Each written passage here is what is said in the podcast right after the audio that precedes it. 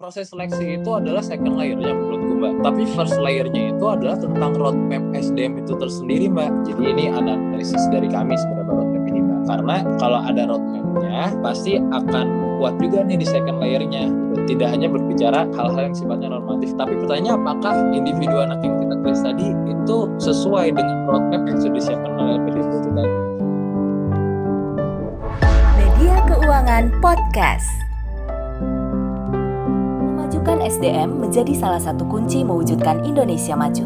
Mata Garuda, sebuah organisasi yang dipelopori oleh para penerima beasiswa generasi pertama Lembaga Pengelola Dana Pendidikan atau LPDP, terus berinovasi agar para penerima beasiswa LPDP dapat saling berkolaborasi dan bekerja sama dengan pihak-pihak strategis untuk Indonesia maju dan mengglobal. Apa saja yang dilakukan Mata Garuda untuk mengaktifasi potensi alumni penerima beasiswa LPDP? Bagaimana cara mengoptimalkan kontribusi penerima beasiswa LPDP di tengah tantangan pengembangan SDM? Simak obrolan Media Keuangan Plus dengan Ketua Mata Garuda Erdi Setiawan pada podcast berikut.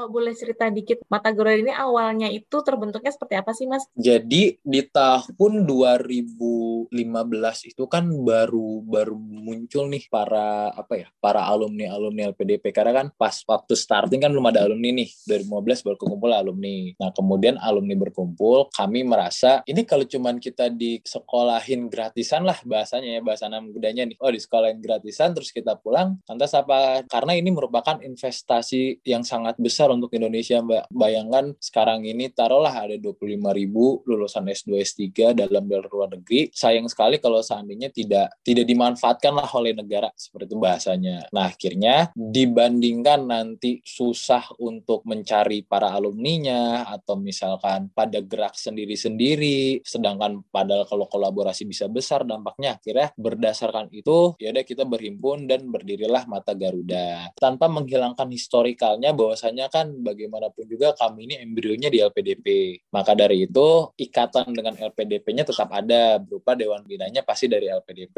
Misalnya Pak Dirut gitu kan. Tapi tetap secara aktivitinya ini adalah dua lembaga yang berbeda gitu, Mbak. Berarti tadi ngomong-ngomong soal pendanaan tadi, berarti selama ini bergerak secara sukarela aja ya, Mas ya? Ya, betul. Karena kita bentuknya adalah yayasan, Mbak, non-profit. Jadi selama ini terkait pembiayaan, biasanya kita ya bekerja sama dengan pihak-pihak eksternal sih, Mbak. Tapi kadang juga karena di LPDP ini ada bagian yang fokus terkait tentang pengembangan alumni, kadang juga kita berkolaborasi seperti itu gitu. Ketika programnya misalkan dari pengelolaan alumni seperti apa, nanti berbicara eksekusinya ada di teman-teman Mata Garuda gitu. Biasanya juga kayak gitu. Nah, gimana sih peran Mata Garuda ini untuk kemudian menyeimbangkan gitu kondisi sekarang, terus kemudian LPDP yang mungkin sudah seperti itu dengan para awardee dan juga bagaimana kemudian Mata Garuda berperan dalam memberikan edukasi nih kepada teman-teman terutama saat pandemi gitu. Mungkin yang pertama ke yang awardee yang sudah menerima kali ya. Jadi memang masih banyak orang yang berpikir bahwasanya Mata Garuda ini adalah tanda kutip undernya LPDP gitu. Padahal sebenarnya Mata Garuda ini itu lebih ke arah partnernya LPDP ketika berbicara distribusi penerima bisnis LPDP, terus bicara kontribusi dan kawan-kawannya. Jadi memang kalau berbicara tanda kutip nih edukasi kepada teman-teman yang sedang menjalankan kuliah nih bisnis LPDP, kalau kita lebih ke arah edukasi-edukasi yang bersifat capacity building dan tidak masuk ke ranah agreement antara seorang awardee dengan LPDP. Jadi fokusnya kita itu lebih ke arah aktivasi potensi para teman-teman penerima bisnis LPDP ini. Nah, bagaimana caranya kami? Ya kami banyak sekali adakan kegiatan upgrading-upgrading seperti misalkan pelatihan-pelatihan, kemudian juga diskusi-diskusi FGD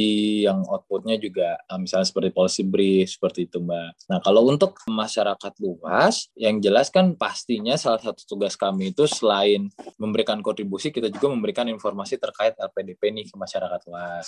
Nah, yang pastinya kami ada perwakilan-perwakilan juga di negara-negara dan di provinsi. Ya kita berikan kebebasan mereka mengatur rumah tangganya masing-masing. Seperti misalnya ada daerah yang misalkan melakukan Edu Expo, kemudian ada tentang coaching LPDP, coaching IELTS lah, TOEFL dan kawan-kawannya seperti itu. Tapi konteksnya itu tadi lebih ke arah upgrading tadi itu, baik internal dan eksternal gitu. Kalau untuk yang misalnya calon awardee, apakah ada juga misalnya ada semacam webinar, seminar tuh untuk kemudian bisa membantu? Kita ada Mbak, kita selalu ada melakukan webinar setidaknya sebulan sekali, terutama di masa pandemi ini. Jadi kalau boleh cerita sedikit peran kami Mata Garuda, waktu pandemi pertama kali kita ini mengeluarkan satu tim khusus yang memang fokusnya itu adalah merespon COVID tapi secara kajian ilmiah dalam konteks eh, kesehatan dulu waktu itu sektornya Mbak. Jadi tim kesehatan ini dia melakukan webinar, kemudian kajian-kajian, diskusi publik,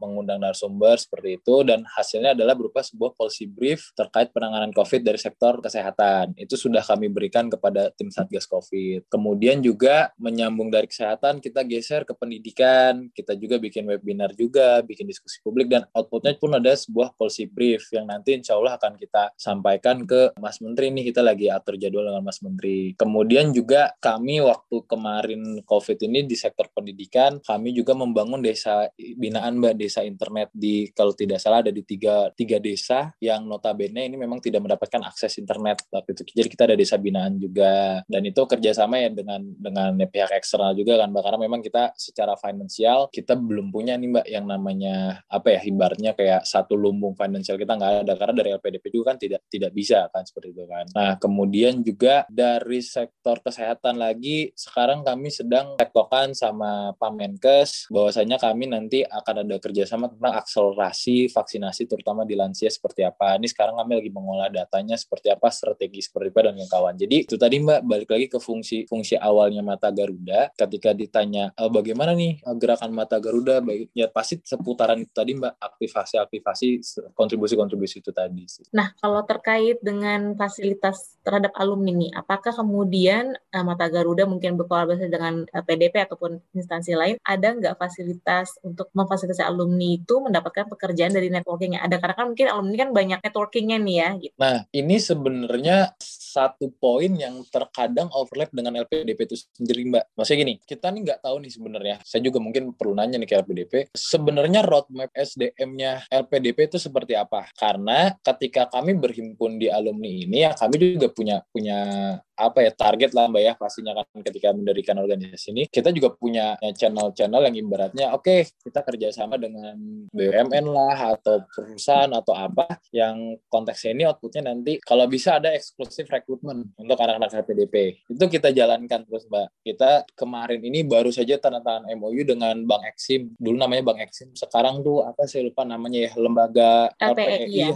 itu ada kayak seperti eksklusif rekrutmen untuk anak-anak HPDP kemudian kemudian juga sebelumnya dengan Telkom, kemudian juga BUMN, anak perusahaan Pelindo, PMLI, swastanya kita pernah dengan Nestle, Danone, Unilever gitu kan. Itu sering banget kita. Kita juga MOU dengan beberapa universitas untuk tenaga pendidik juga kita ada. Karena kebetulan juga kan ada seperti ada rektor muda anggota kita seperti kan Mbak. Kemudian juga dengan uh, perusahaan-perusahaan besar seperti misalkan Ruang Guru yang notabene juga anak mata Garuda dan itu itu kita ada.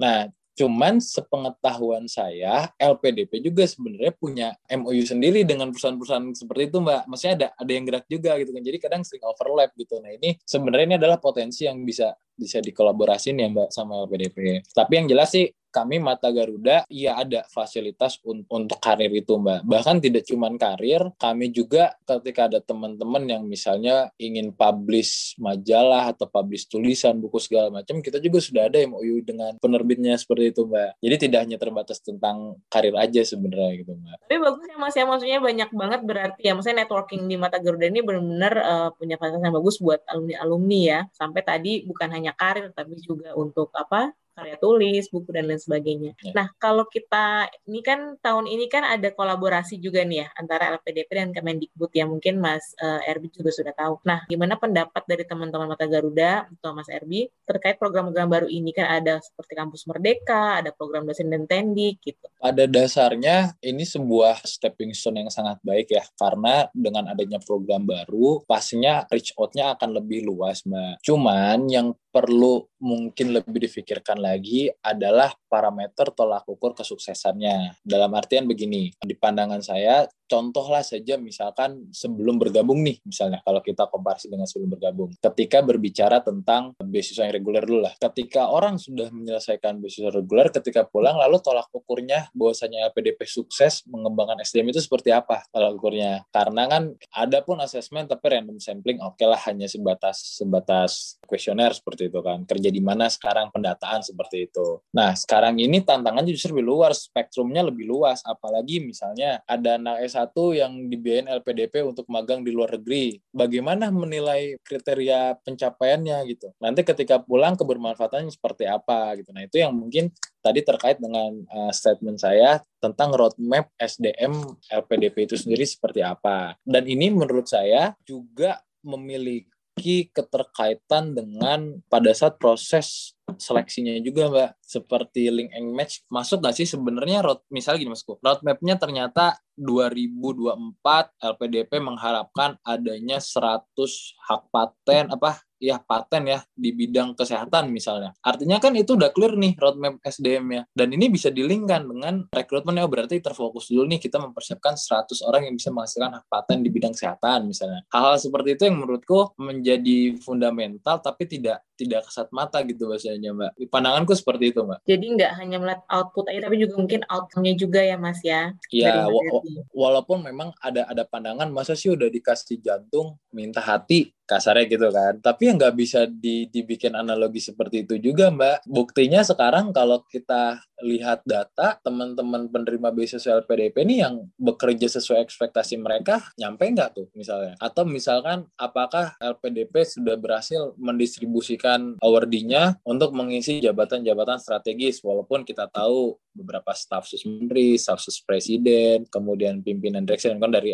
dari kader kita gitu lah anak-anak penerima beasiswa LPDP tapi apakah mereka ada di titik itu karena LPDP ataukah memang jangan-jangan emang pakai jalur mereka sendiri gitu. Itu kan hanya sebagian kecil tapi kalau kita lihat luas susah gitu mbak jadinya. Mungkin proses seleksinya selama ini ada yang perlu diperbaiki gitu mas? Sebenarnya tidak bukan proses seleksi itu adalah second layernya menurutku mbak. Tapi first layernya itu adalah tentang roadmap SDM itu tersendiri mbak. Jadi ini analisis dari kami sebenarnya roadmap ini mbak. Karena kalau ada roadmapnya pasti akan kuat juga nih di second layernya gitu. Tidak hanya berbicara hal-hal yang sifatnya normatif. Tapi pertanyaannya apakah individu anak yang kita tulis tadi itu sesuai dengan roadmap yang sudah disiapkan oleh LPDP itu tadi? Sebenarnya lebih ke arah situ sih mbak. Nah selain tentang roadmap SDM apakah ada lagi masuk masukan dari Mata Garuda terhadap program beasiswa LPDP atau mungkin perbaikan-perbaikan yang perlu dilakukan? Gitu? Kalau secara umum udah nggak ada sih Mbak. Cuman kalau mungkin bisa memberikan masukan apa yang bisa diimprove terkait tentang ini awardee yang sudah beres kuliah mau diapain Mbak. Sebenarnya sedikit bersinggungan juga sih dengan dengan apa namanya dengan tadi roadmap tadi. Tapi setidaknya adalah satu visi besar akan seperti apa nih awardee yang pulang